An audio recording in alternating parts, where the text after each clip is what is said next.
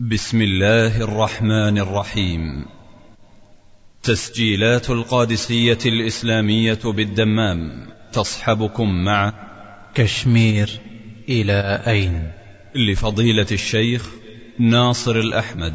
جرح قديم وغائر في جسد الأمة الإسلامية قل من يتحدث عنه فضلا عن معرفة تفاصيله وأبعاده. إنها القضية الكشميرية.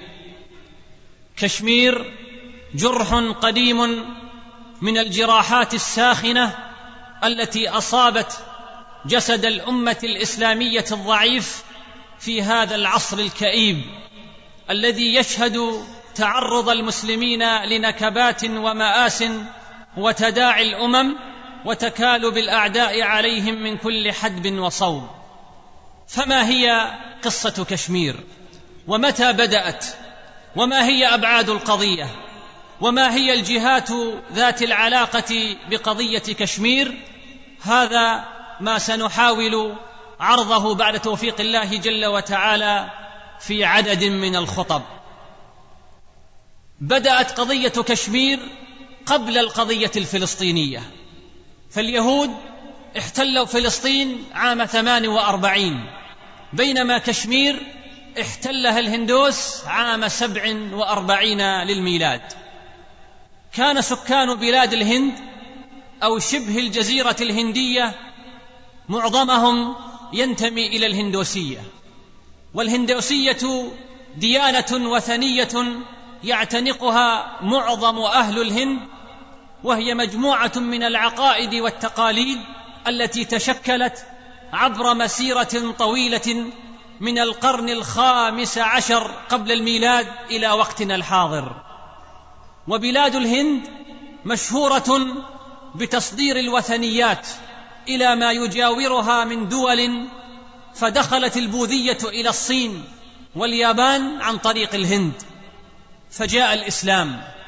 فجاء الإسلام عبر الجزيرة العربية مع الأتراك. أهل آسيا الوسطى من المسلمين عن طريق البحر وركاب أساطيل الصيد والتجارة حتى وصل الإسلام إلى الساحل الغربي للهند. وبدأت الفتوحات العسكرية أيام الدولة الأموية حيث وصل جيش إسلامي بقيادة محمد بن القاسم الثقفي فسيطر على السند فكانت أول مقاطعة يسيطر عليها المسلمون في شبه القارة الهندية وأقام بها مسجدا وترك بها حامية من أربعة آلاف جندي ولكن الفتوحات العسكرية الحقيقية لم تبدأ إلا في القرن الرابع الهجري على يد السلطان محمود الغزنوي رحمه الله تعالى إذ خاض حروبا شرسة ضد السكان الأصليين حتى استطاع فتح السند ثم توجه إلى البنجاب وكشمير ومعظم شمال الهند وأخضع هذه الأجزاء لحكم الإسلام. فتحولت شبه القارة الهندية إلى قارة إسلامية وتوالت عليها العديد من الدول الإسلامية. فكلما ضعفت دولة بسبب قيام الهندوس ضدهم جاءت دولة أخرى بعدها.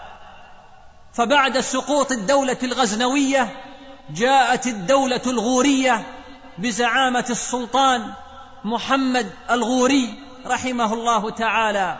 فأعاد فتح المناطق التي احتلها الهندوس مرة أخرى وأضاف إليها إقليم البنغال وكانت أكبر أقاليم البوذية في المنطقة حين ذاك وأعلنها بلادا للإسلام وتمكن الغوري من فتح بقية شمال الهند واتخذ من دله عاصمة له.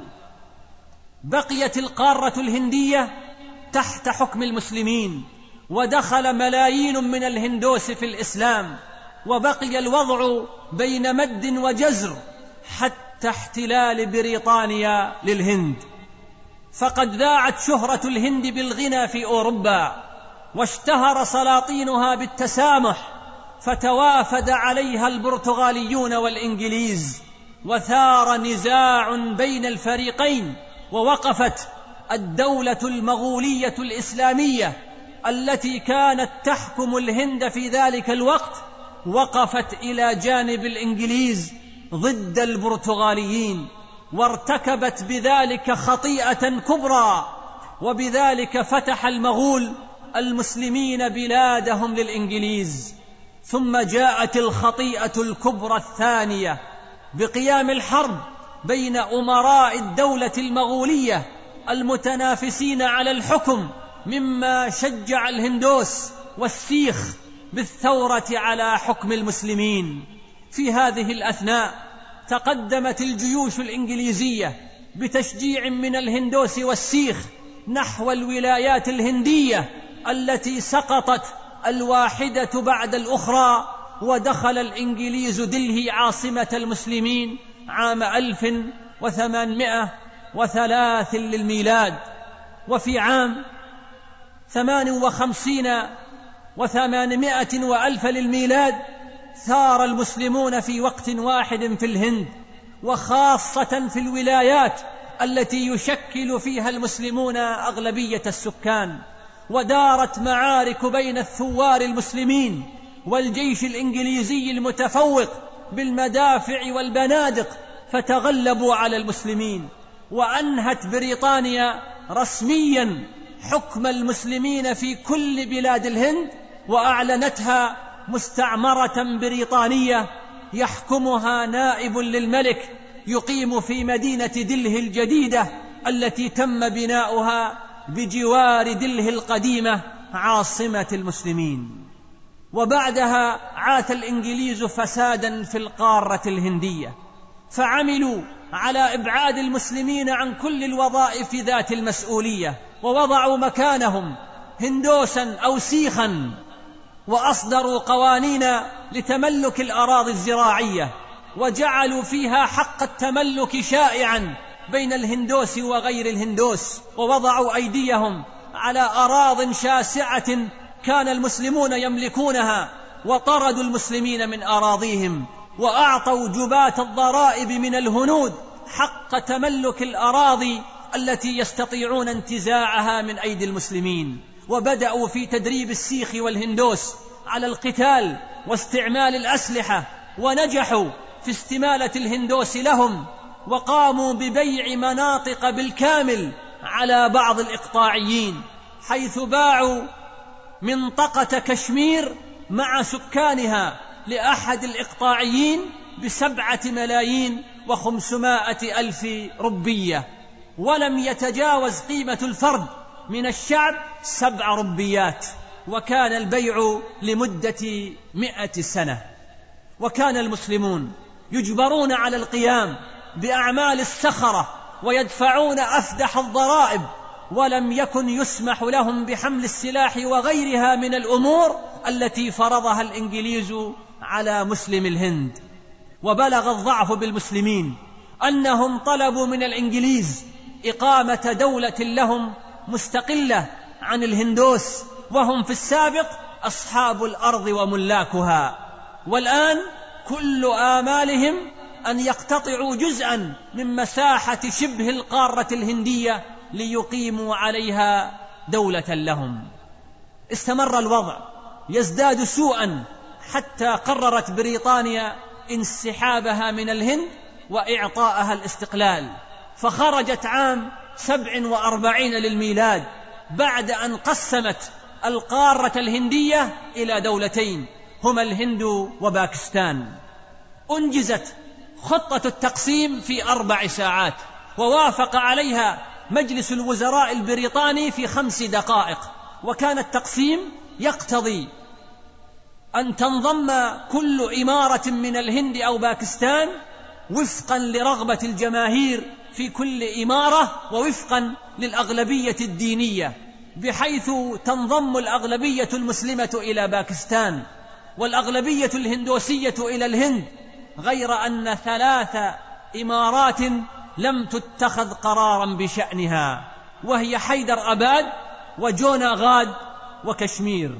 وكان حاكم جونا غاد مسلما فقرر أن ينضم إلى باكستان لكن غالبية السكان كانوا هندوسا فعارضوا هذا الانضمام فدخلت القوات الهندية وأجرت استفتاء انتهى بانضمامها إلى الهند.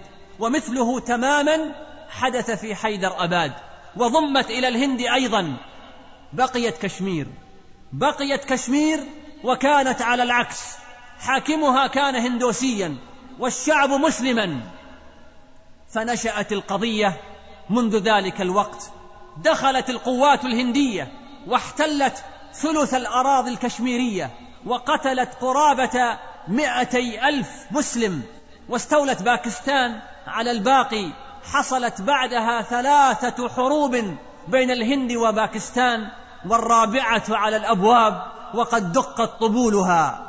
نشبت الحرب الأولى في أكتوبر عام سبع وأربعين واستمرت حتى يناير سنة تسع وأربعين للميلاد فأصدر مجلس الأمن بناء على طلب من الهند قرارا يطالب الطرفين بوقف إطلاق النار. لكن استمرت الهند في احتلالها كشمير مع توقف إطلاق النار. نشبت الحرب الثانية عام خمس وستين والتي انتهت بهزيمة الجيش الباكستاني للمرة الثانية. أما الحرب الثالثة فكانت في ديسمبر عام واحد وسبعين والتي فككت الهند على إثرها باكستان إلى دولتين هما باكستان وبنغلاديش. وبهذا التفكك تحولت باكستان إلى دولة لا يحسدها أحد. في حين تحولت الهند إلى الدولة التي لا ينافسها أحد في منطقة جنوب آسيا باعتبارها قوة عسكرية وبشرية ضخمة. بدأت قضية كشمير عام سبع وأربعين للميلاد ويمثل هذا العام بداية الصراع الدموي في كل من فلسطين وكشمير. وقد لعب الإنجليز الدورين جيدا والذي يتلخص في تسليم فلسطين لليهود وتسليم الهند للهندوس. وقد صدر قرار الأمم المتحدة الذي ينص على حق الشعب الكشميري في تقرير المصير وذلك عام تسع وأربعين. وما يزال هذا القرار حبرا على ورق بل ويتجاهله اللاعبون الكبار. لأن الهدف منه ليس إعادة الحقوق إلى الشعب المسلم في كشمير بل امتصاص غضب الناس وإعطاؤهم املا كاذبا بالحصول على الحقوق. وقد قامت الهند بعد احتلالها ثلث كشمير بمحاولة تخدير الشعب الكشميري وكسر حدة مقاومته عن طريق إعطاء إقليم كشمير الحكم الذاتي.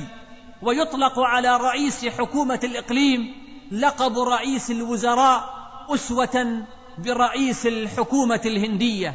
وكان لها علمها الخاص وبرلمانها الخاص واستمر هذا الوضع حتى عام ثلاث وخمسين حيث بدأت الحكومات الهندية المتعاقبة في تقليص ميزات الحكم الذاتي حتى تم إلغاء لقب رئيس الوزراء وأصبح يطلق على رئيس حكومة الإقليم لقب كبير الوزراء أسوة بالولايات الهندية الأخرى. وبعدها بدأت المجازر الهندوسية في حق إخواننا في كشمير. فقام الهندوس بممارسة العنف والاضطهاد لمنع هذا الشعب المسلم في المطالبة بتقرير مصيره وفقا لقرار الأمم المتحدة الصادر في الخامس من يناير عام تسع وأربعين للميلاد.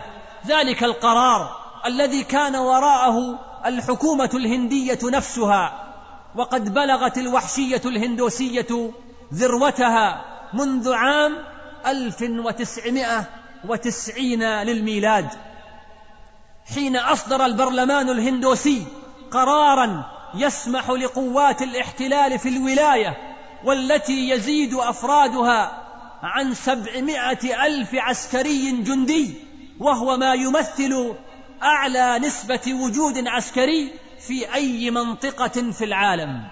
إذ يبلغ عدد جنود الاحتلال الهندوسي في الولاية واحد إلى سبعة بالنسبة إلى السكان بعملية استئصال المسلمين وقتلهم عشوائيا والزج بهم في غياهب السجون ومراكز التفتيش والتعذيب وذبح أطفالهم وحرق شبابهم أحياء وهتك أعراضهم ونهب أموالهم وإحراق بيوتهم ومنازلهم ومزارعهم حتى أصبح الشعب هناك يعيش تحت الإرهاب وتحت الحكم العسكري ونظام المعسكرات الذي يذكرنا بأساليب النازية والفاشية بحجة أنهم إرهابيون ولا ذنب لهم إلا أنهم يطالبون بتقرير مصيرهم الذي وعدوا به من المنظمة الدولية قتل أصحاب الأخدود النار ذات الوقود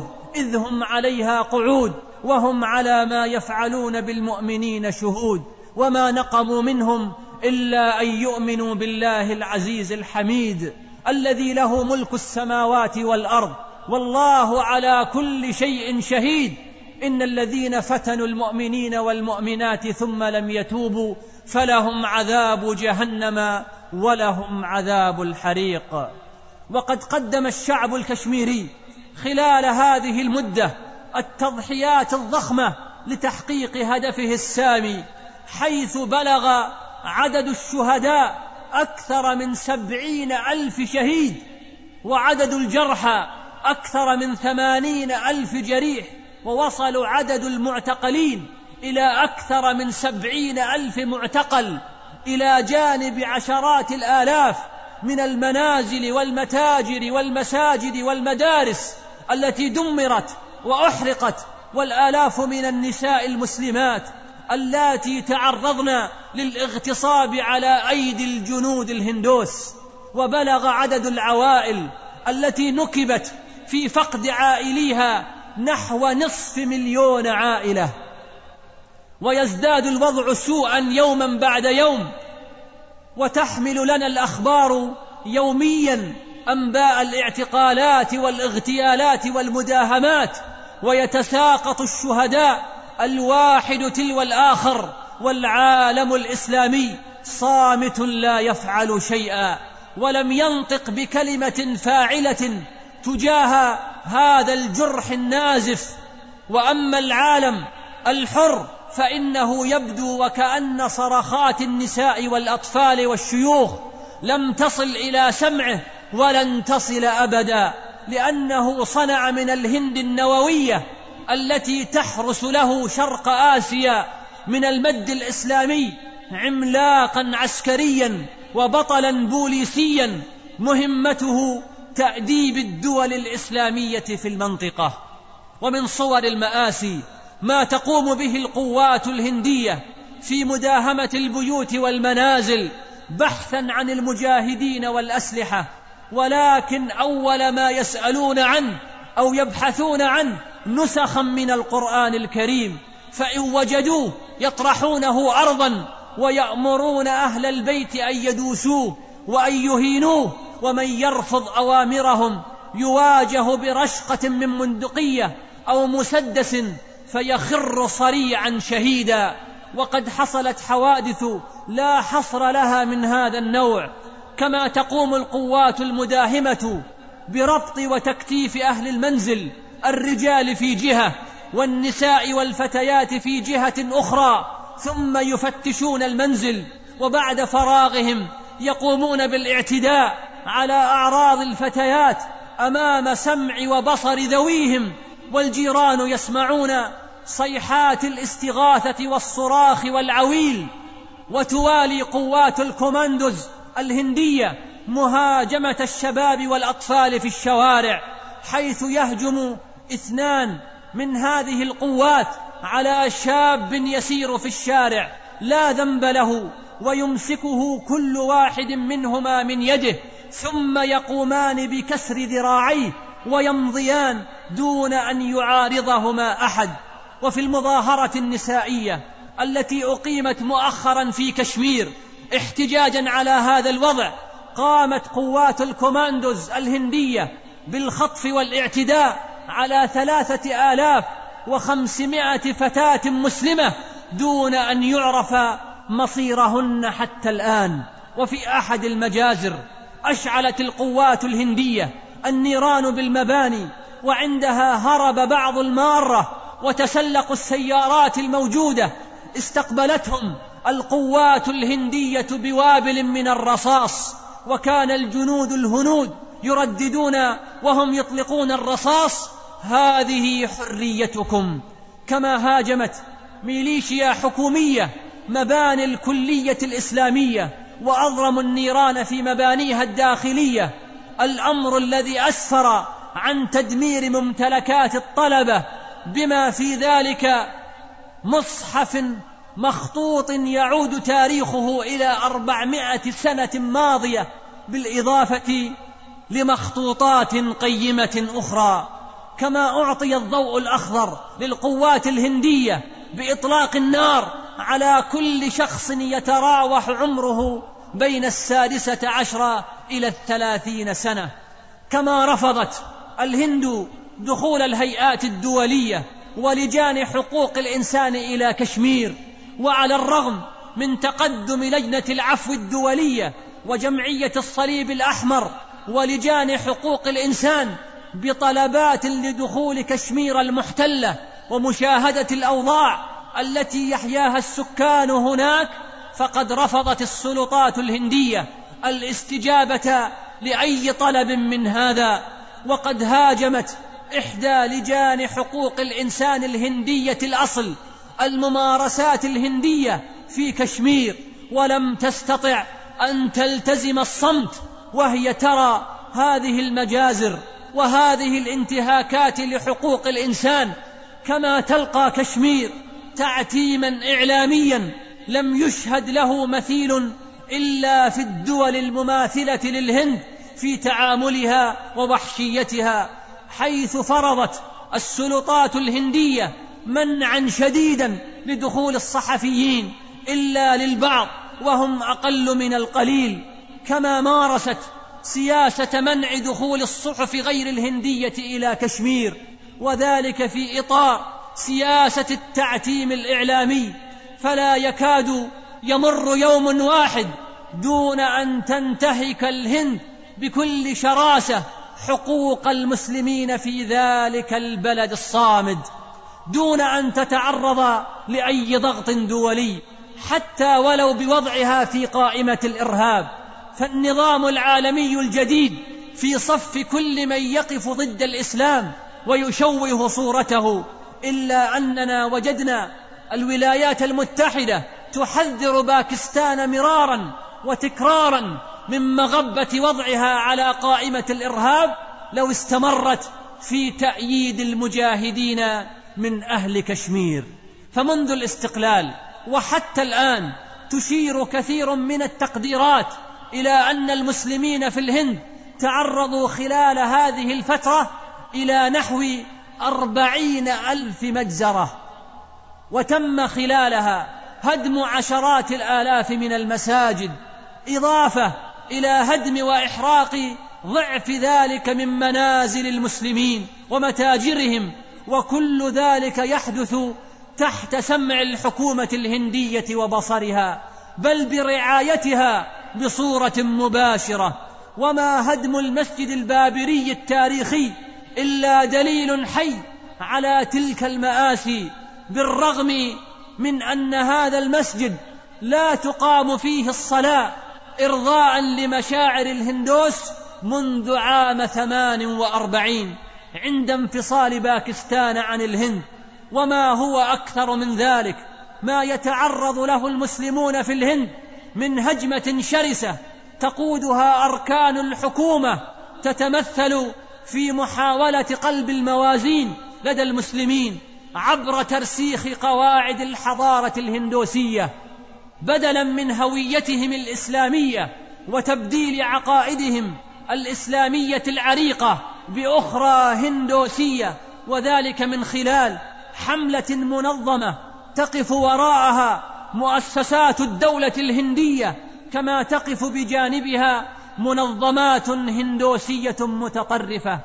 أدرك عدد من العلماء والدعاة في كشمير والهند هذه السياسة فقاموا منذ فترة طويلة وركزوا على التعليم وبناء المؤسسات التعليمية الموازية للمؤسسات الحكومية التي كانت تنتهج النهج العلماني ويطغى فيها تمجيد معبودات الهندوس يقول أحدهم وهو الدكتور أليف الدين الترابي يقول لقد تخرجت من هذه المدارس ولا أعرف الفرق بين معبودات الهندوس وبين الله تبارك وتعالى.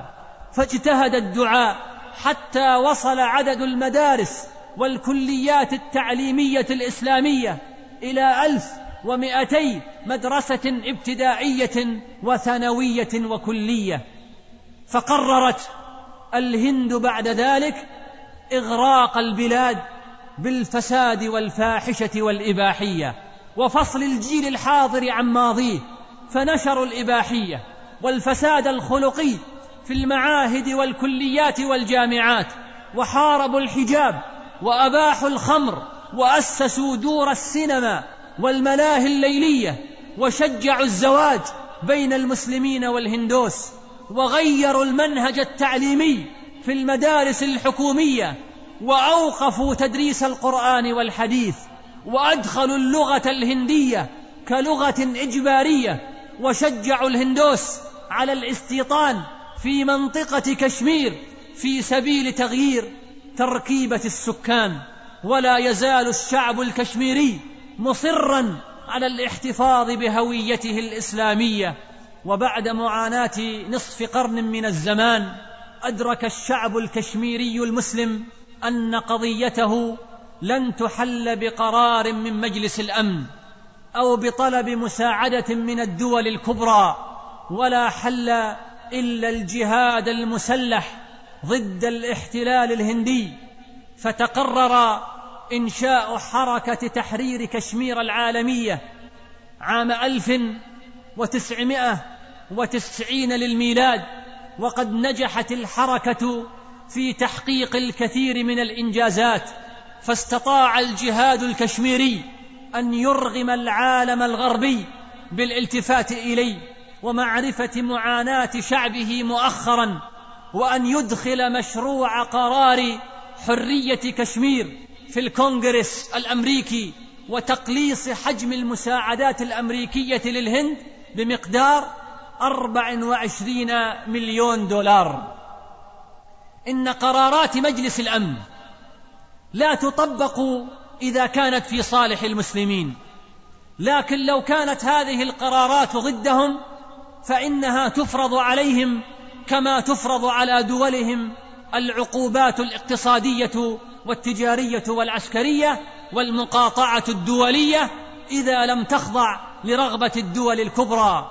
بل وتدرج أسماؤها في قائمة الدول المساندة للإرهاب والمنتهكة لحقوق الإنسان.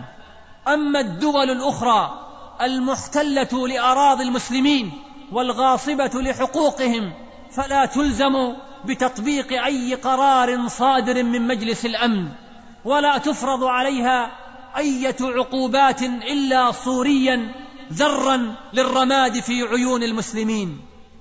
بل هي في كثير من الأحيان تعربد يمنة ويسرة وتهزا بقرارات المجلس الموقرة دون أن يثير ذلك حفيظة المجلس أو أن يكون فيه التحدي للمجتمع الدولي. وهذا يؤكد أن المجلس لن يقف مع إيه قضية للمسلمين مهما كانت إذا كان الطرف الآخر فيها من غير المسلمين. وهذا واضح من خلال القرارات التي أصدرها المجلس في قضية فلسطين وقضية كشمير وقضية البوسنة وغيرها من القضايا الإسلامية.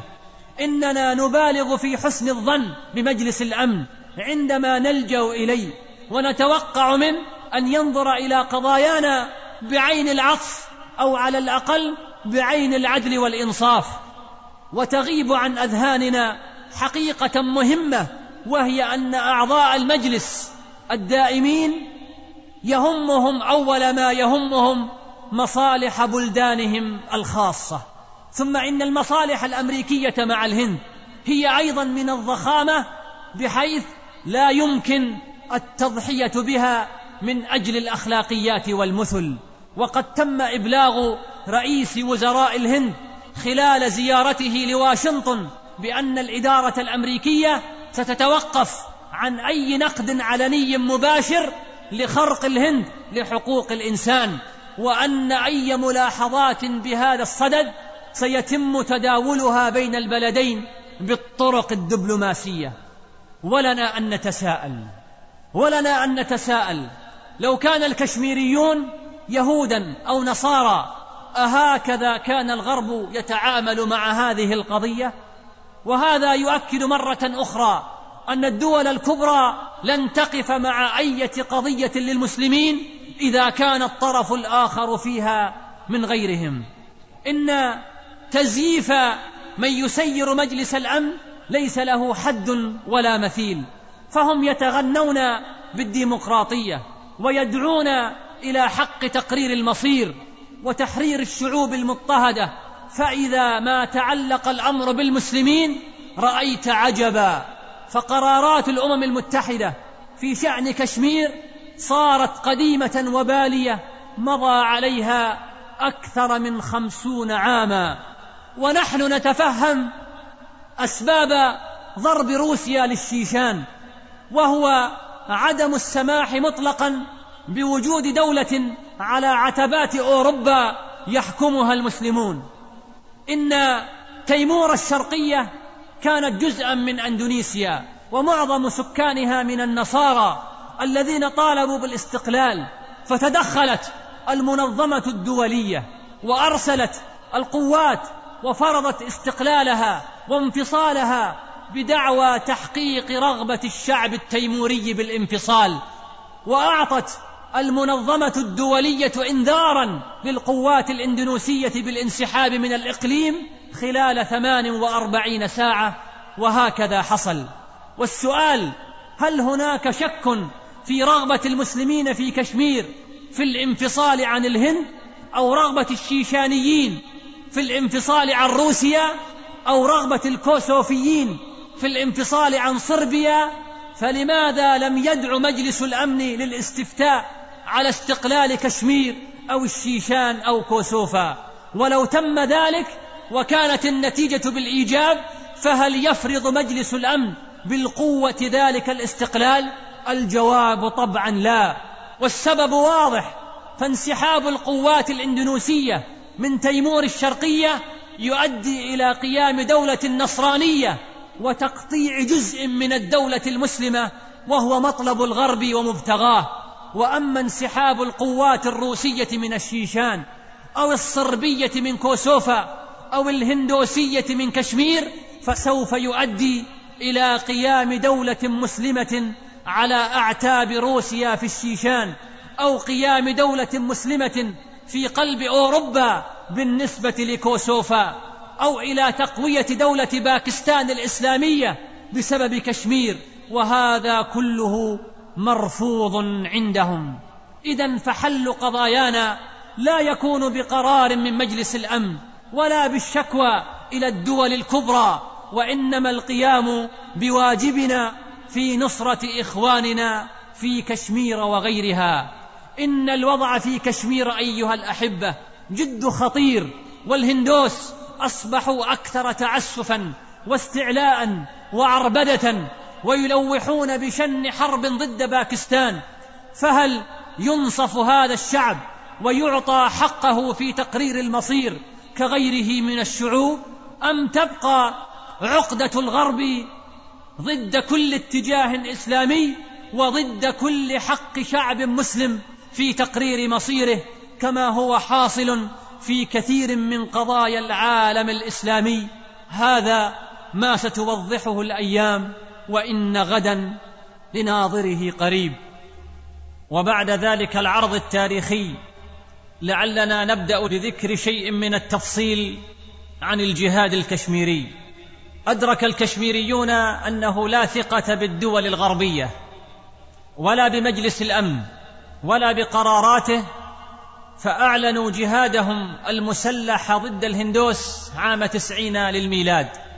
ولا يعني ذلك أن ما قبل هذا التاريخ لم يكن هناك جهاد في كشمير لكن المقصود أن هذا التاريخ كان بداية عهد جديد في تحويل الجهاد إلى حركة جماهيرية برزت فيها الجماعات الإسلامية.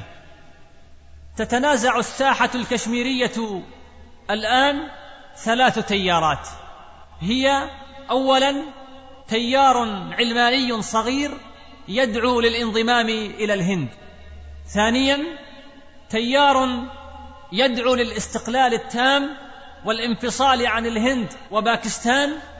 ومن هذا الاتجاه حركة تحرير جامو وكشمير وهي حركة وطنية تهدف إلى إقامة دولة مستقلة وعلمانية.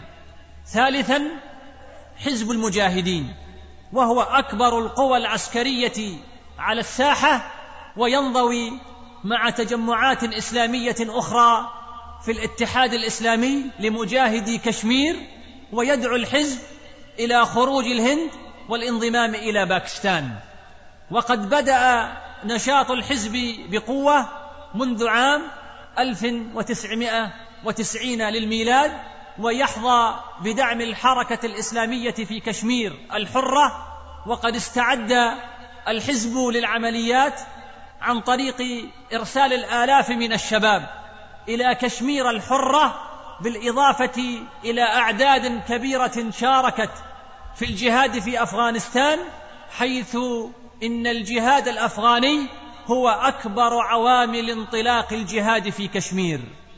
حيث إنه إذا كان طرد الروس ممكنا فلم يكون طرد الهندوس مستحيلا.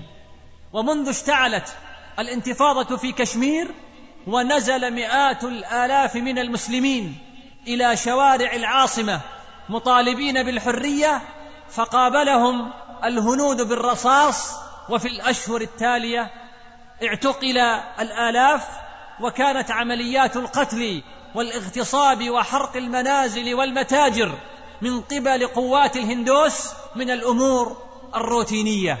وفر الآلاف من الشباب إلى كشمير الحرة سعيا وراء السلاح والتدريب. ويذكر أن حوالي خمسين الفا من الشباب وصلوا إلى كشمير الحرة خلال السنتين الماضيتين. عابرين الحدود سرا عبر الجبال الثلجية وقد استشهد منهم حوالي ثلاثة آلاف وتم تدريب حوالي أربعين ألف شاب ويوجد الآن مراكز تدريب داخل كشمير.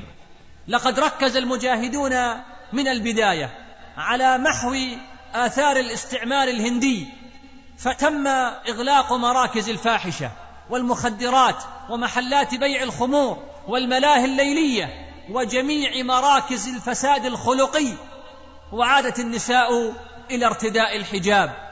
ثم تواصل الجهاد ضد الجيش الهندي وبلغت خسائر الجيش الهندي حوالي أحد عشر ألف قتيل.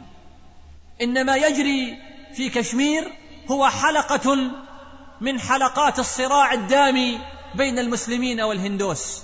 وقد حرص الإنجليز على تسليم السلطة للهندوس ولما تبينت استحالة ذلك تم تقسيم الهند إلى الهند وباكستان كما ذكرنا وخرجت الهند بنصيب الأسد من الجيش والصناعات والموارد.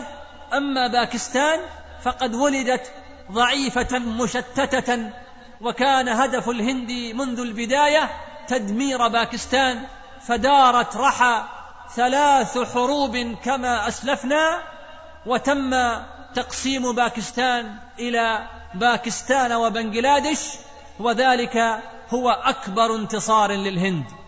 حيث إنه تم استبعاد بنجلاديش عن خارطة القوى المؤثرة وبقيت باكستان وحدها تواجه التحدي الهندوسي.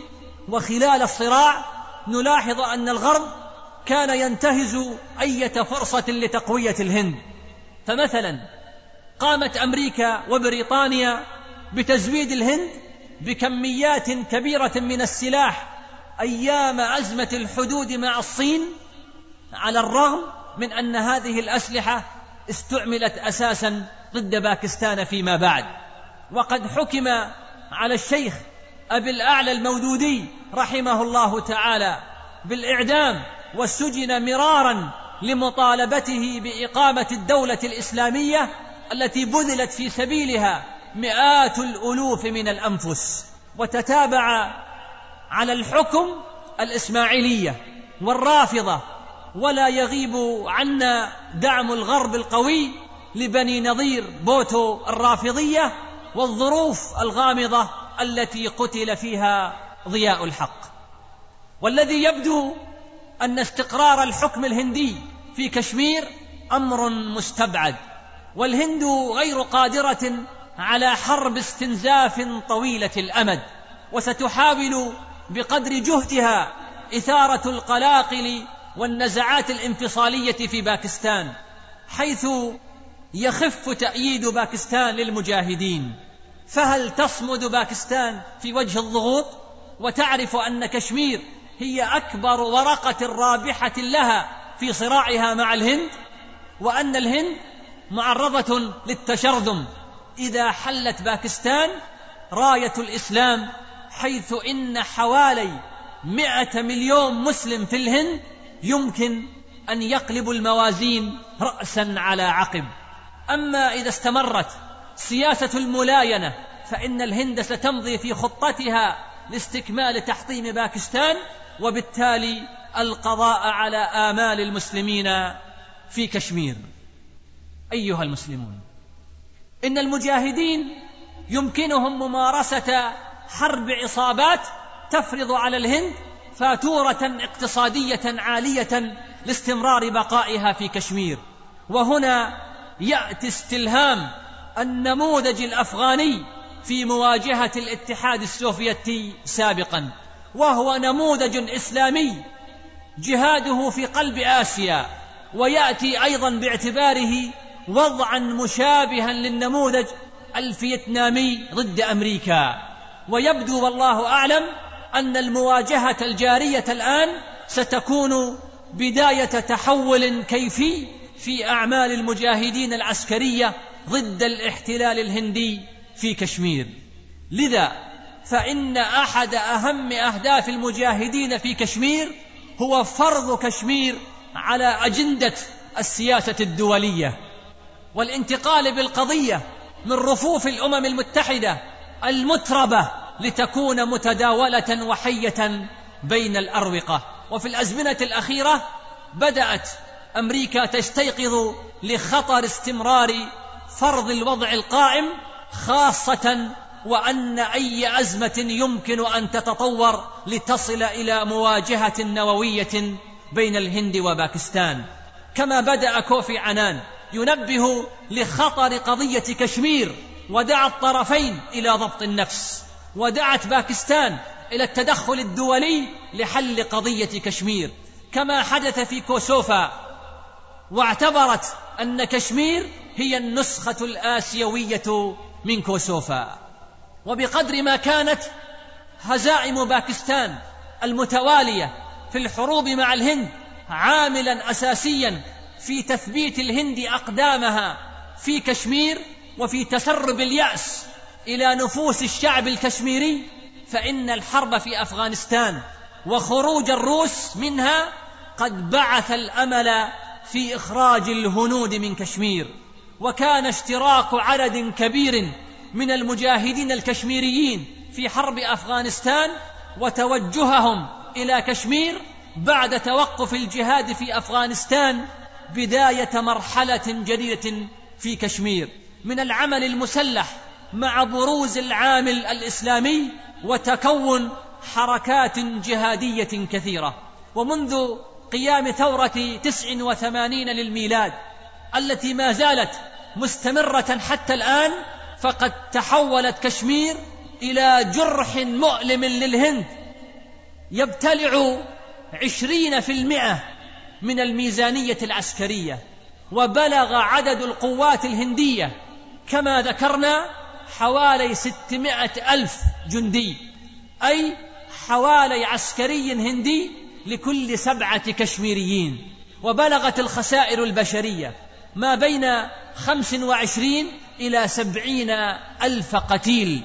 وكان هذا الصراع مؤلما حتى إن وزير الدفاع الهندي سارع فور التفجيرات النووية الهندية إلى الكشف عن نية الهند اجتياح بقية كشمير وتحدى باكستان أن تختار مكان المعركة وزمانها. وبدأ للهند أنها قاب قوسين أو أدنى من إنهاء القضية بابتلاعها كلها وتحطيم باكستان الداعم الرئيس أو لنقل الوحيد للمقاومة في كشمير. ولكن التفجيرات النووية الباكستانية أعادت التوازن للمنطقة. واستمر النزيف. واستمر النزيف مع إصرار الهند على عدم بحث قضية كشمير في أي لقاء دولي أو حتى اشتراك دولة ثالثة في المفاوضات. وكان التجاهل التام هو نصيب مطالب الكشميريين بالحرية والاستقلال أو الانضمام لباكستان.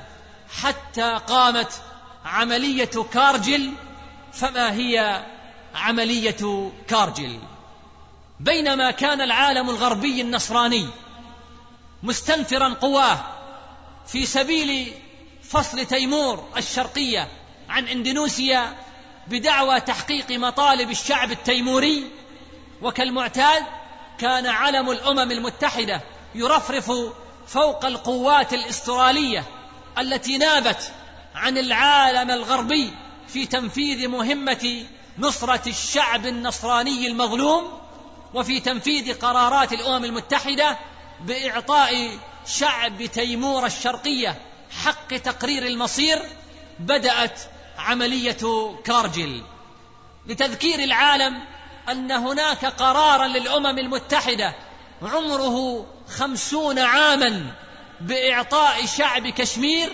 حق تقرير المصير. ومع ذلك فلم يلتفت أحد لهذا القرار.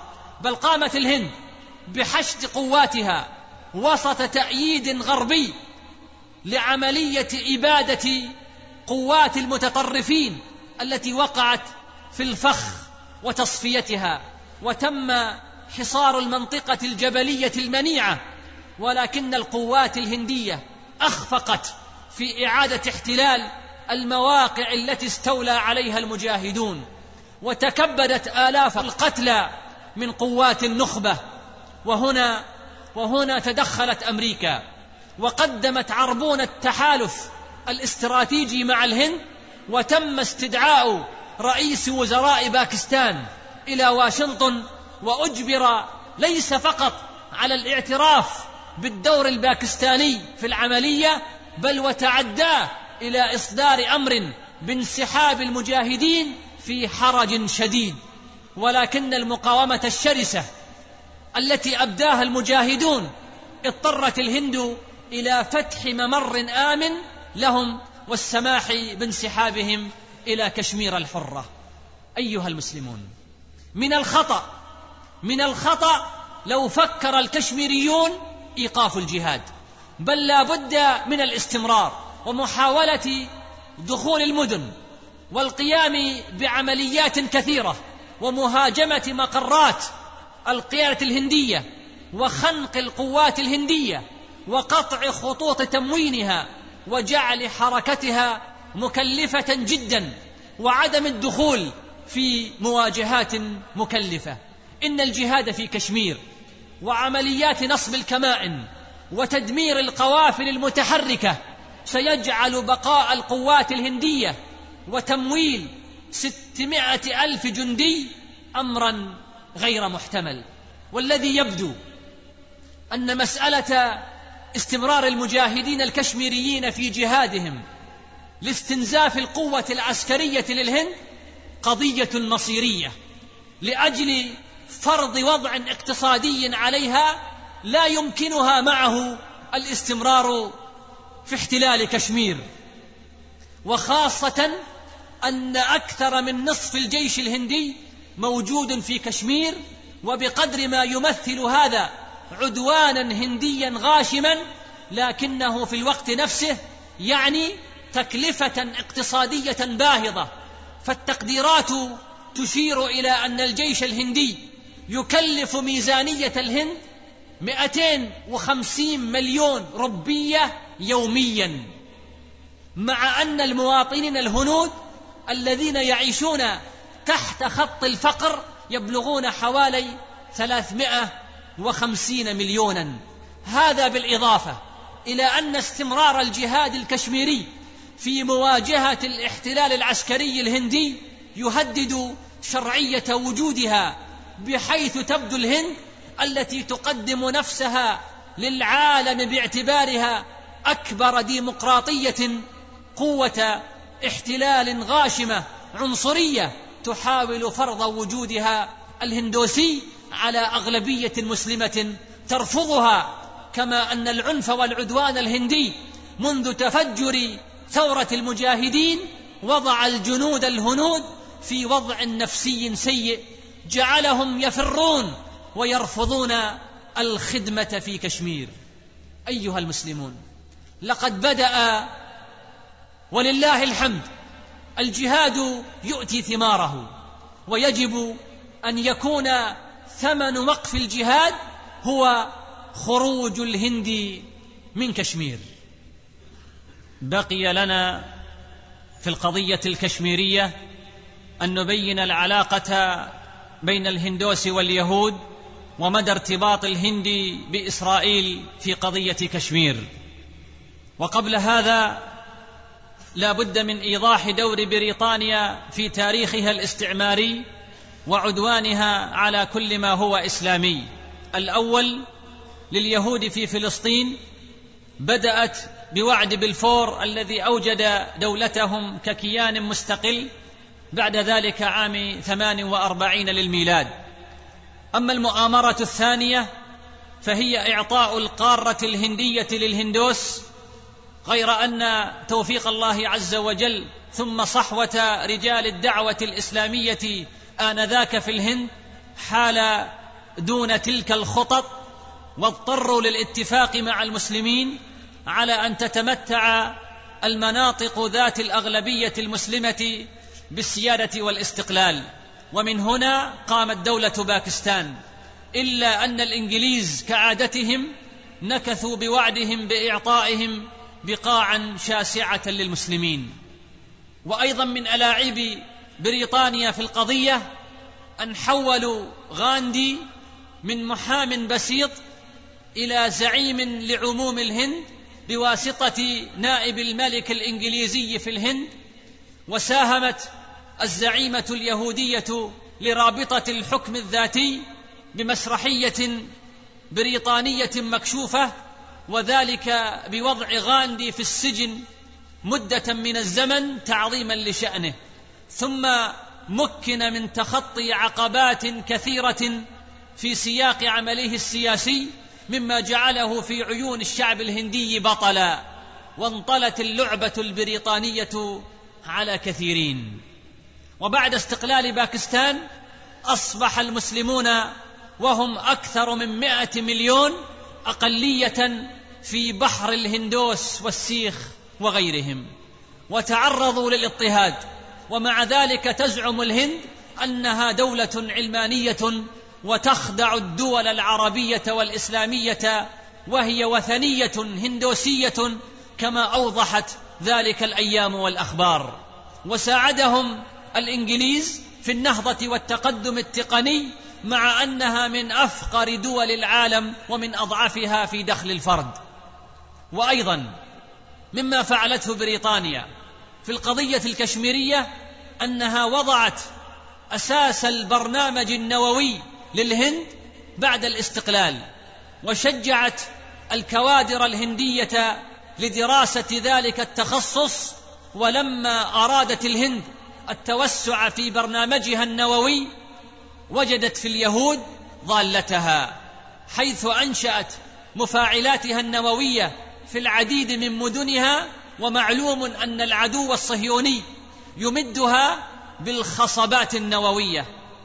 وكان لكندا دور في دعم برنامج الهند النووية أيضا. ثم ادعت كندا كذبا أنها فوجئت بقيام الهند بالتفجير النووي.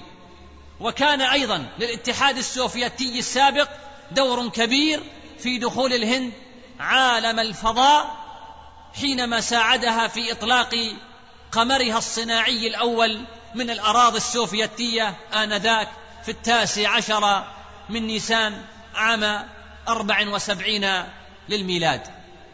أيها المسلمون وأما عن علاقة الهندوسية باليهودية وارتباط الهند بإسرائيل فعجب وأي عجب. إن القليلين ممن يعلمون تاريخ العلاقات الهندية الإسرائيلية وتفاصيل هذا التعاون بين الجانبين يعلمون أنها ليست وليدة سنة أو سنتين وإنما يعود تاريخها لأكثر من نصف قرن من الزمان. إليكم شيئا من هذا التاريخ الأسود.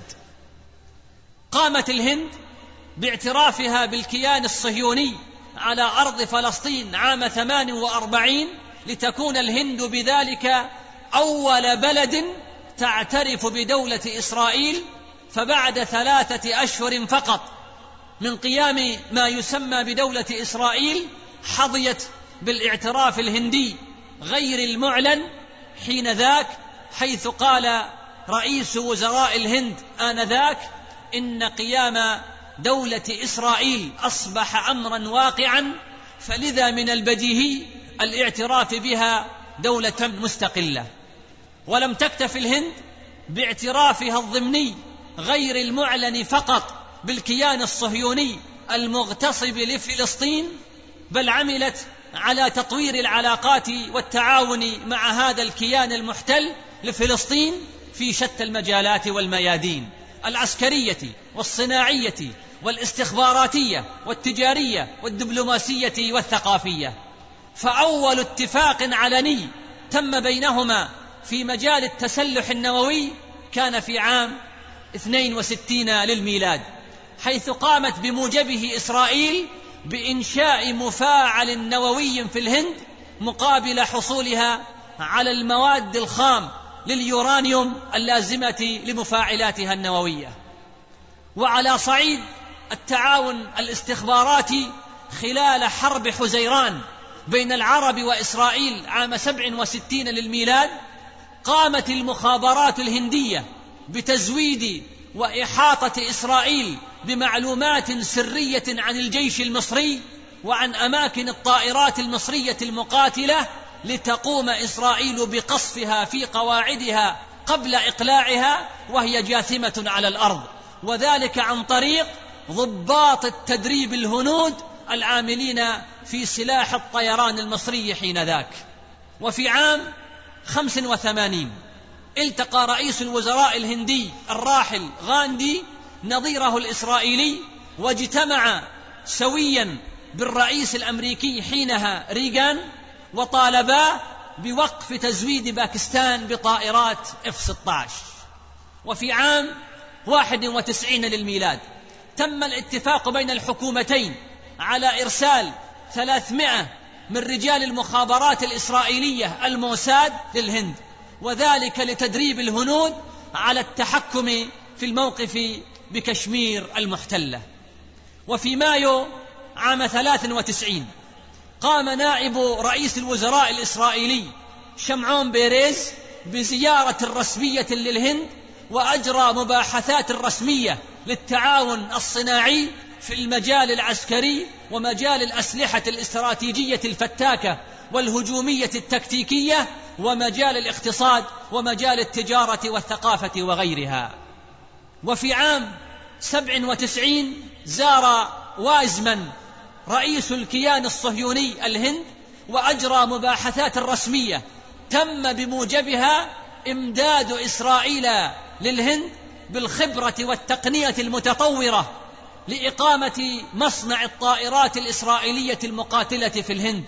وأيضا تقوم إسرائيل بتزويد الهند بطائرات إسرائيلية وطائرات صغيرة استطلاعية تطير من غير طيار وهي في نفس الوقت مزودة بأجهزة متطورة ذات عدسات تعمل إلكترونيا وتستطيع تصوير المواقع العسكرية وذلك لتمشيط وكشف مواقع المجاهدين في كشمير. وفي أبريل عام سبع وتسعين أيضا ضبطت قوات خفر السواحل السريلانكية أربع تحاويات قادمة من الهند في طريقها إلى إسرائيل تحمل ثمانية عشر طنا من مادة فسفورية وهي مادة كيميائية شديدة المفعول تستخدم في صناعة غاز مثير للأعصاب وكانت هذه الحاويات قادمة من بومبي بالهند في طريقها لحيفا بإسرائيل حسب أوراق الشحن المضبوطة من قبل السلطات السريلانكية.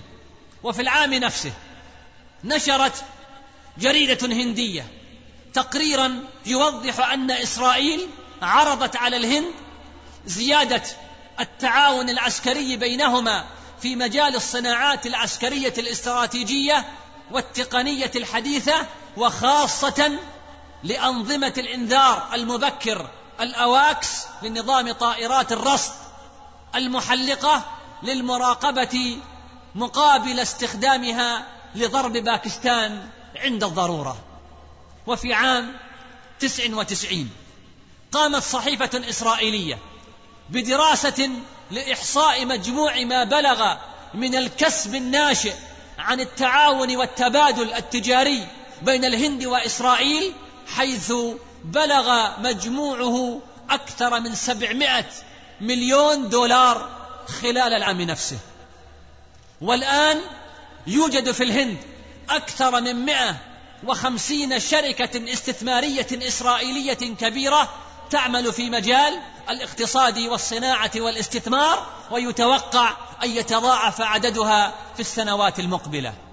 وأيضا سمحت الهند بفتح سفارة للعدو الصهيوني في بومبي فكانت حصنا قويا للتعاون بين الدولتين المعاديتين للإسلام والمسلمين والغريب في الأمر أنها لم تكن قنصلية بالمعنى المتعارف عليه دوليا بل كانت مستعمرة كاملة الجهاز تضم أكثر من مئتي موظف وكان لها من الإمكانات والسيارات ما يفوق ما لدى السفارات العربية مجتمعة في الهند. وأيضا لم يكن وجود اليهود في كشمير شيئا جديدا خاصة للمتابعين. فقد كشفت وكالة الأنباء الباكستانية مؤخرا أن وجود العامل اليهودي قديم من حيث التعاون المعلوماتي والإرهاب أو التدريب. وقد أكدت مصادر المجاهدين في كشمير وجود أكثر من ثلاثمائة وخمسين كوماندوز يهودي يتعاونون مع الهند لضرب الانتفاضة الكشميرية. وتطمح إسرائيل من وجودها في هذه المنطقة الهامة إلى ضرب المفاعل النووي الباكستاني الذي يعد المحطة النووية الوحيدة في العالم الإسلامي بعدما حدث في العراق. والمفاعل الباكستاني هدف يهودي قديم وتقول المصادر الباكستانية بأنه غدا هدفا رسميا يهوديا منذ عام ست وثمانين عندما صرح رئيس هيئة أركان العدو اليهودي بذلك. إن أهم قواعد التعاون بين هذين النظامين العنصريين الهندوسي والصهيوني يقوم على الاغتصاب الغاشم. والاحتلال الجائر لأراضي المسلمين وتدنيسهم للمقدسات وهدمهم للمساجد والتعدي على الحرمات كما يتفق الكيانان الإرهابيان في قمع واضطهاد وقتل المسلمين العزل في كشمير وفلسطين المحتلتين ويمارسان أبشع أنواع البطش والقهر والتعذيب والتنكيل والحقد الدفين لقهر المسلمين وإلحاق كل ألوان الأذى وأشكال العذاب وأصناف الاضطهاد الوحشي والبربري بحق إخواننا المسلمين في كشمير وفلسطين الأسيريتين فهم لا يتورعون عن ارتكاب الجرائم الوحشية والحيوانية القذرة والخبيثة ونهب الممتلكات واغتصاب الحرائر والنساء الثكالى وقتل الأحياء والأبرياء وهي السياسة الدائمة والمتبعة اللا انسانيه المستمرة للطرفين الهندوسي والصهيوني منذ ابتليت كشمير وفلسطين المغتصبتين بالخضوع لسيطرتهم الجائرة. ومنذ أكثر من خمسين سنة وإلى أيامنا هذه لا زال الاحتلالان الهندوسي والصهيوني البغيضان يقومان بالاعتداء الوحشي المستمر على شعبي كشمير وفلسطين وما زالا جاثمين على أرض كشمير وعلى أرض فلسطين المحتلتين فما الذي سيفعله المسلمون لمواجهة مخاطر هذا الحلف الهندي اليهودي الذي يستهدفهم جميعا؟ إنها صورا لمآس لا وجود لها إلا في الدول المتوحشة ولا يماثلها إلا جرائم النازيه ومحاكم التفتيش ويقوم بالإشراف على هذه المآسي وهذه الخطط مستشارون إسرائيليون إلى جانب المستشارين الهنود. وقد أكدت مصادر متعددة وجود مثل هؤلاء المستشارين خاصة وأن التعاون الأمني بين الطرفين على أشده في المجالات الأمنية. وتقتفي القوات الهندية أثر القوات اليهودية في تعاملها مع الانتفاضة الفلسطينية من إبعاد وطرد وتعذيب وإهانة وغيرها. وقد تمكن المجاهدون في كشمير من أسر مجموعة من عملاء الموساد الإسرائيليين كما تم في بشاور اعتقال ثلاثة من اليهود المغاربة الذين يحملون جوازات فرنسية لقيامهم بنشاط تجسسي.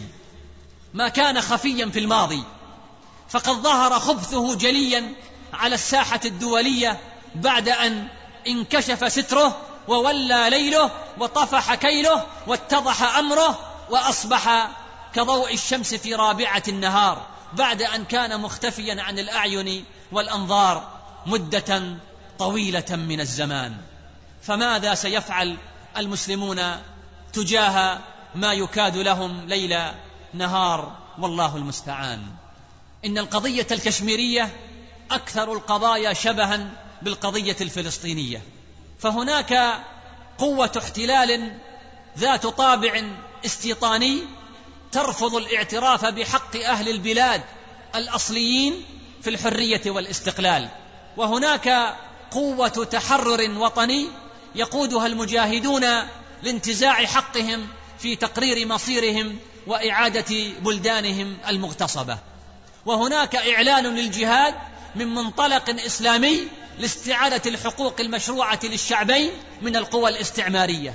وهناك ما يمكن أن نطلق عليه انتظام صفوف قوى الاستكبار المجرمة في مواجهة جهاد المسلمين لإعادة أوطانهم المحتلة. فنجد تحالف الهند والكيان الصهيوني وروسيا في مواجهة المجاهدين في كشمير بينما في فلسطين نجد نفس القوى تتقدمهم جميعا الولايات المتحدة. أيها المسلمون هناك سمات بارزة في التشابه بين الهندوسية واليهودية. من ذلك اولا اعتقاد الهندوس أنهم شعب الله المختار والنظر لغيرهم وخاصة المسلمين نظرة احتقار وإهانة وهذه الدعوة معروفة أيضا عند اليهود. ثانيا تقديسهم ليوم السبت فهم لا يعملون فيه ولا يطبخون إلا ما يعتبرونه انسانيا كقتل المسلم دون حرج وأيضا تقديس اليهود للسبت معروف. ثالثا يشتركون مع اليهود في التجارة والمراباة. فالهندوسي يبيع السلعة للمسلم ولغيره ولكنه لا يشتري منهما لأنهما نجسين في نظره. لكن الدراهم التي يأخذها من البيع لهما ليست نجسة. ومعلوم أن بالهند يهودا منذ الزمن القديم. رابعا هناك رابط واضح بين اليهود والهندوس وهو العداء للمسلمين. رغم العشرة الطويلة التي جمعت بين المسلمين والهندوس في الهند لاثني عشر قرنا تحت ظل الحكم الإسلامي العادل آمنين على أرواحهم وممتلكاتهم وأديانهم ولم يدخل الإسلام أحد منهم إلا عن اقتناع وحب للإسلام. إن هناك أمرا أخطر من سابقه يدعو إلى التنبه لخطر الهندوس الوثنيين وهو بعد التوغل الصهيوني في منطقة الخليج عبر البوابة الهندية. هناك حجم مهول من الاختراقات الإسرائيلية الهندية لأجهزة دول المنطقة وتغلغلها في مواطن التأثير وحجم الاستثمار اليهودي عن طريق البوابة الهندية وحجم العمالة اليهودية الهندية التي يخشى أن تكون هي التي تسيطر على ثمانين بالمئة من أسواق المنطقة سواء أسواق الذهب أو أسواق الإلكترونيات أو الأقمشة إضافة إلى مخاطر ذلك كله على الحالة الأمنية والاجتماعية والاقتصادية وكذلك على العمل الإسلامي في المنطقة. صرح وزير الخارجية الصهيوني في زيارته الأخيرة للهند قائلا إن الكيان الصهيوني والهند معنيتان بمواجهة الخطر الأصولي الإسلامي المشترك سواء عبر منظمة حماس أو حركة المقاومة الكشميرية وإن هناك تنسيقا كاملا ومشتركا بين دلهي وتل أبيب لتبادل المعلومات والخبرات في هذا الجانب. وأظن بأن الكلام واضح وصريح ولا يحتاج إلى تعليق. إن الحقيقة التي لا تحتاج إلى إثبات هي أن قضايانا لا يحلها أحد سوانا وأن شرور الهندوس والصهاينة والصليبيين والشيوعيين واعتداءاتهم على المسلمين لن يقهرها شرعية دولية ولا قرارات شجب واستنكار وإدانة وإنما تهزمها راية الجهاد ووحدة المسلمين واتفاقهم ضد أعدائهم اقتصاديا ودفاعيا وتفوقهم التقني والعلمي والعسكري وقبل ذلك الإيماني. ما هو الواجب علينا تجاه قضية كشمير؟ وما هي خطوات حل هذه الأزمة؟ يمكن أن يلخص ذلك فيما يلي. اولا التضرع بالدعاء. والتوجه إلى الله تعالى لينصر هؤلاء المظلومين فإن الدعاء يعمل ما تعجز عنه القذائف والصواريخ. يروى أن قتيبة بن مسلم استعصى عليه فتح كابل فقال علي بمحمد بن واسع وكان عابدا زاهدا فأخبر بأنه متكئ وهو يشير بإصبعه إلى السماء ويقول يا حي يا قيوم انصرنا عليهم. فقال قتيبة رحمه الله لأصبع محمد بن واسع أحب إلي من ألف سيف شهير في سبيل الله. ثانيا الاستمرار في جمع المساعدات المالية وتقديمها لهم بقصد تغطية احتياجات المجاهدين ورعاية المهاجرين والمجروحين ومن لا عائل لهم منهم حتى تتغير الظروف لصالحهم. وهذا واجب شرعا. قال الله تعالى وإن استنصروكم في الدين فعليكم النصر إلا على قوم بينكم وبينهم ميثاق وقال تعالى والمؤمنون والمؤمنات بعضهم أولياء بعض وفي الصحيحين قال النبي صلى الله عليه وسلم المسلم أخو المسلم لا يظلمه ولا يخذله ولا يسلمه. إن الواجب على كل مسلم أن ينصر إخوانه في كشمير وفي غيرها بكل ما يستطيع فمن استطاع أن ينصرهم بماله فليفعل ومن استطاع أن ينصرهم بالكلمة قولا أو كتابة عبر وسائل الإعلام المختلفة فليفعل ومن استطاع أن يدافع عنهم بنشر قضيتهم بين الأمم والشعوب وتعريف العالم بما يقع عليهم من ظلم واضطهاد وقهر وتقتيل وتشريد وتهجير ونهب ممتلكات وتدمير منازل ومزارع من قبل الهندوس وعصاباتهم المتطرفة فليفعل. ولا أقل من أن يشترك جميع المسلمين في الدعاء لهم. ثالثا أن تقوم الشعوب الإسلامية. بالضغط على حكوماتها لتقطع كل العلاقات مع الهند إذا لم توقف حملتها ضد الشعب الكشميري. رابعا وهو الأهم أن تقوم جميع الحكومات الإسلامية بإخطار الهند رسميا أن مصالحها الاستراتيجية والاقتصادية مهددة في جميع المناطق في العالم الإسلامي. إذا لم توافق على إجراء الاستفتاء في الولاية وتحدد موعده. فإن لم تفعل الهند ذلك نفذت الحكومات الإسلامية المقاطعة الاقتصادية. فهذه هي ورقة الضغط الإسلامية التي لو استخدمتها الدول الإسلامية فإن الهند سوف تجثو على ركبتيها.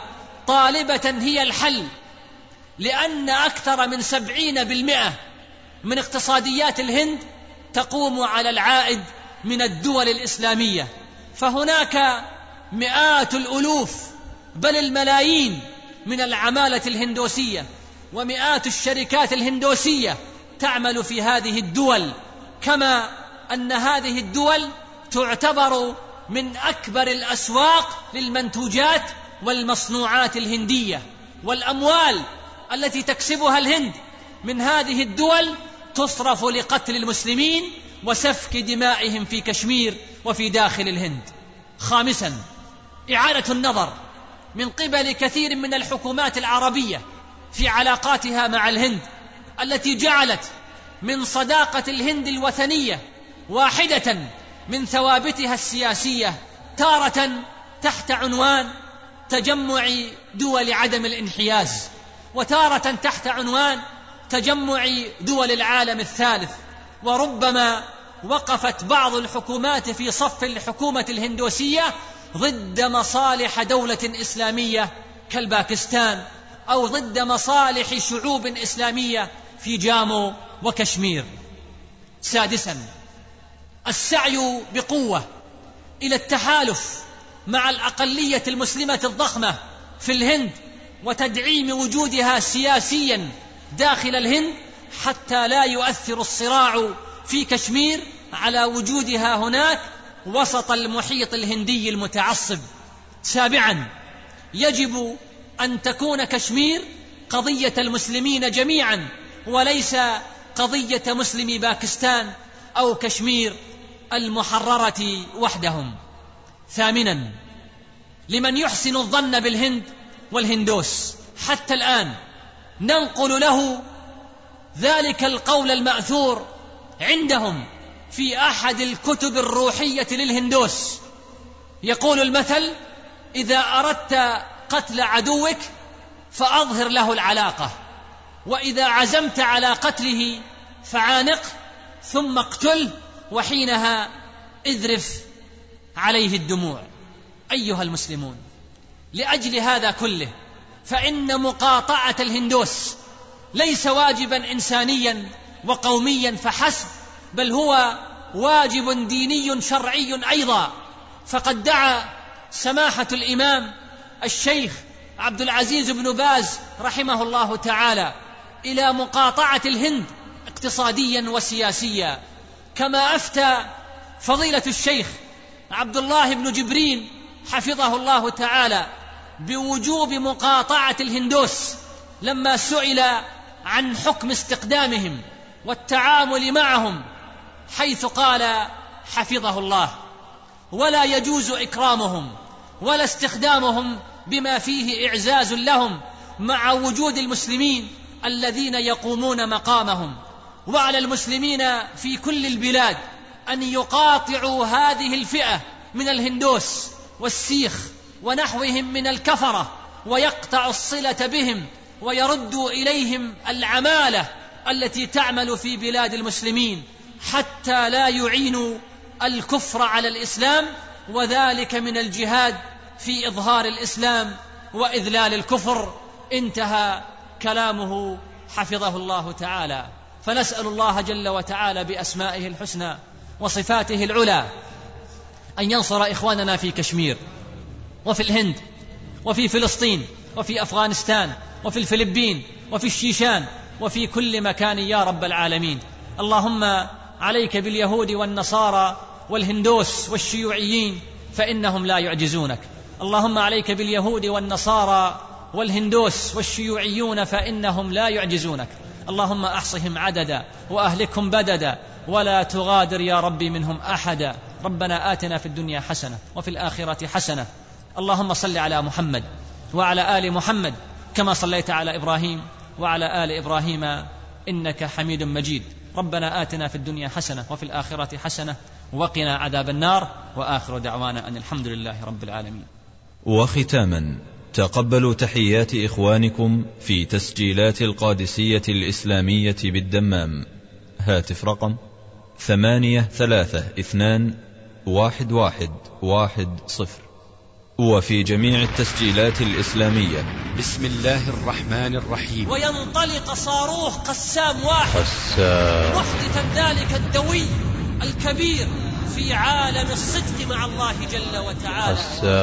شد الأبطال عزائمهم وأسرجوا خيوله وبذلوا أرواحهم. هبوا دفاعا عن فلسطين. روى بالقدس صدر الموكب الإيمان لا يزلزل الأعداء حتى أصبحوا عمي البصائر. جرد العملاق عز الدين القسام قسام. سلاحه ليكون شوكة في حلوق أبناء القردة والخنازير. ليجابه مدافع اليهود وقنابلهم ورشاشاتهم. يا أخي في القدس مهلا جيشنا للنصر سايا. سر نفسا سر عينا أقبلت كل البشائر شمخ صلاح الدين الأيوبي وشحذ سيفه. ليخرج الصليبيين من أرض الأقصى. وبيع الأسير الصليبي بدرهم. أردت أن يكتب في التاريخ. أن أحدهم قد بيع بنعلين. تأريب وصاح قطز صيحته الشهيرة وإسلاما فانتفض الجند المسلم تأريب. ومنح الله للمسلمين أكتاف الكافرين. ولينصرن الله من ينصره. إن الله لقوي عزيز. ضحى السلطان عبد الحميد بعرشه وصك سمع هرتزل بكلماته المدوية. تأريب لقد حصل شعبي على هذه الإمبراطورية بدمائهم وسوف نغطيها بدمائنا. تأريب منطق التوحيد دوما سوف يعلو في المنابر جراح. طفلة ذات الأربعة أشهر يقصفها اليهود بقذيفة تشق صدرها جراح. بدعوى مقاومة الإرهاب. بأي ذنب بأي ذنب قتلت. لقد ماتت بالسلاح الصهيوني. يا روى بالقدس موكب ألا نفوس إلى العلياء نافرة تواقة لجنان الحور والعين. يا روى بالقدس صدر الموكب الإيمان لا يزلزل الأعداء حتى أصبحوا عمي البصائر. إنها فلسطين. من أجلك نهض هؤلاء. فدا لعينيك. ربيون ما وهنوا تجددين بهم أيامك الأولى إنها فلسطين إنها فلسطين. بشموخها وكبريائها بجمالها الساحر وحسنها الفتان. هذه فلسطين. فلسطين. يا من ليس يعرفها كأن أحجارها القدسية الشهب. فلسطين. فلسطين ثوري على المعتدي. فإنا مللنا وعود الغد فهيا ندمر صروح الطغاة ونمضي على دمدمات الرعود. نحن قادمون قادمون يا يهود.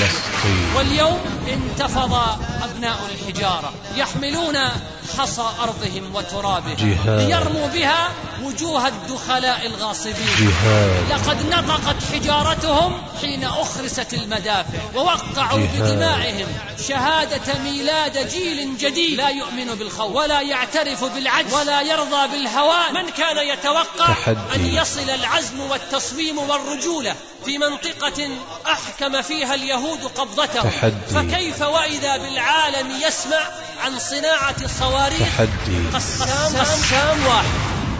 وأعدوا لهم ما استطعتم من قوة ومن رباط الخيل ترهبون به عدو الله. هذه النقلة تحدي. من الحجر إلى صاروخ قسام واحد.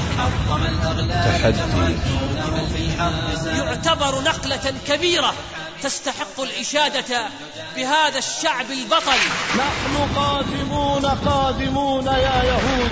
وهو يوم قادم بإذن الله تعالى. فاستعدوا واستعيدوا أرض مسرى خير زائر القادسية تصحبكم مع قسام واحد. للشيخ ناصر الأحمد.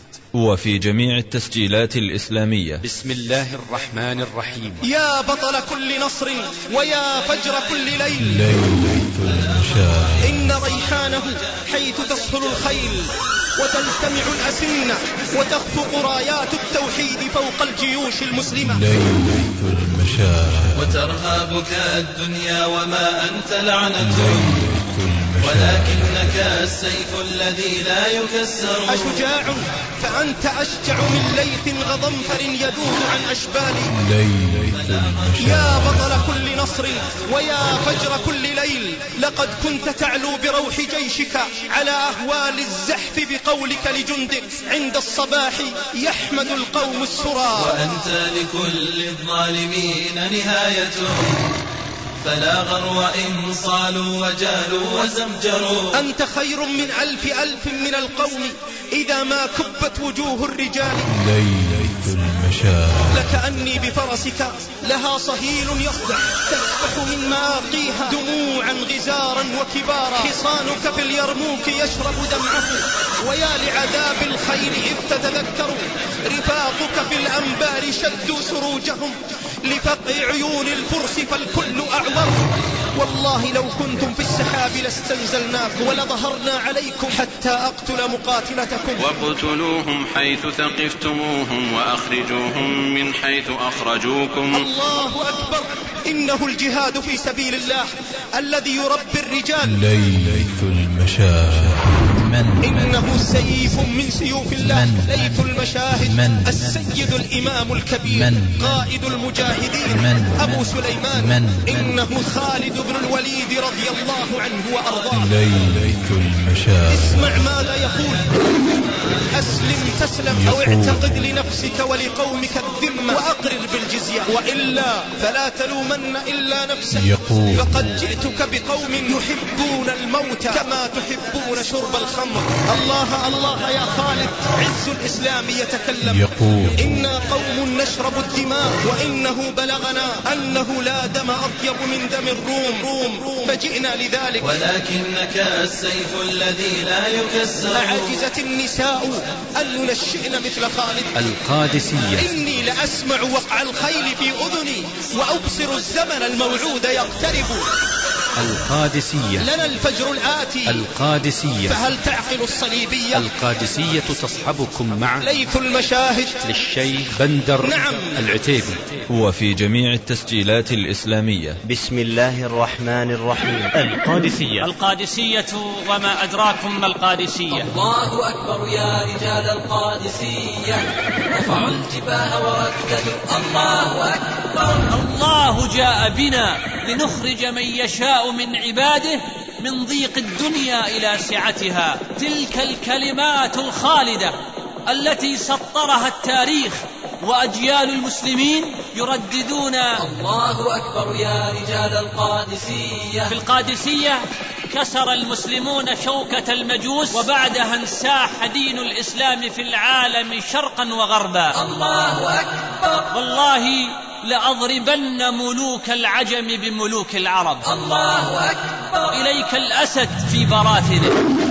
لقد باشرت الحروب وسمعت بالأبطال. ولم أر مثل هذا. الله أكبر. فاقتاد الفرس يلعب برمحه وسلاحه بين الصفين حتى إذا كان بحيال الميمنة كبر. الله أكبر. يدخل المعسكر لوحده والجند آلاف. الله أكبر. فكسر عنقه ثم وضع السيف على حلقه فذبح. هكذا فاصنعوا بهم. قاتلوهم يعذبهم الله. بأيديكم ويخزهم وينصركم عليهم ويشف صدور قوم مؤمنين. قتلت رستم ورب الكعبة فكبر الجميع. الله أكبر يا رجال القادسية رفعوا الجباه ورددوا. الله أكبر. ما كنت أرى أن في العرب مثل هؤلاء. أحفاد خالد والمثنى والمغيرة نحن الرؤوس لربنا فالله أكبر. حتى يدفنه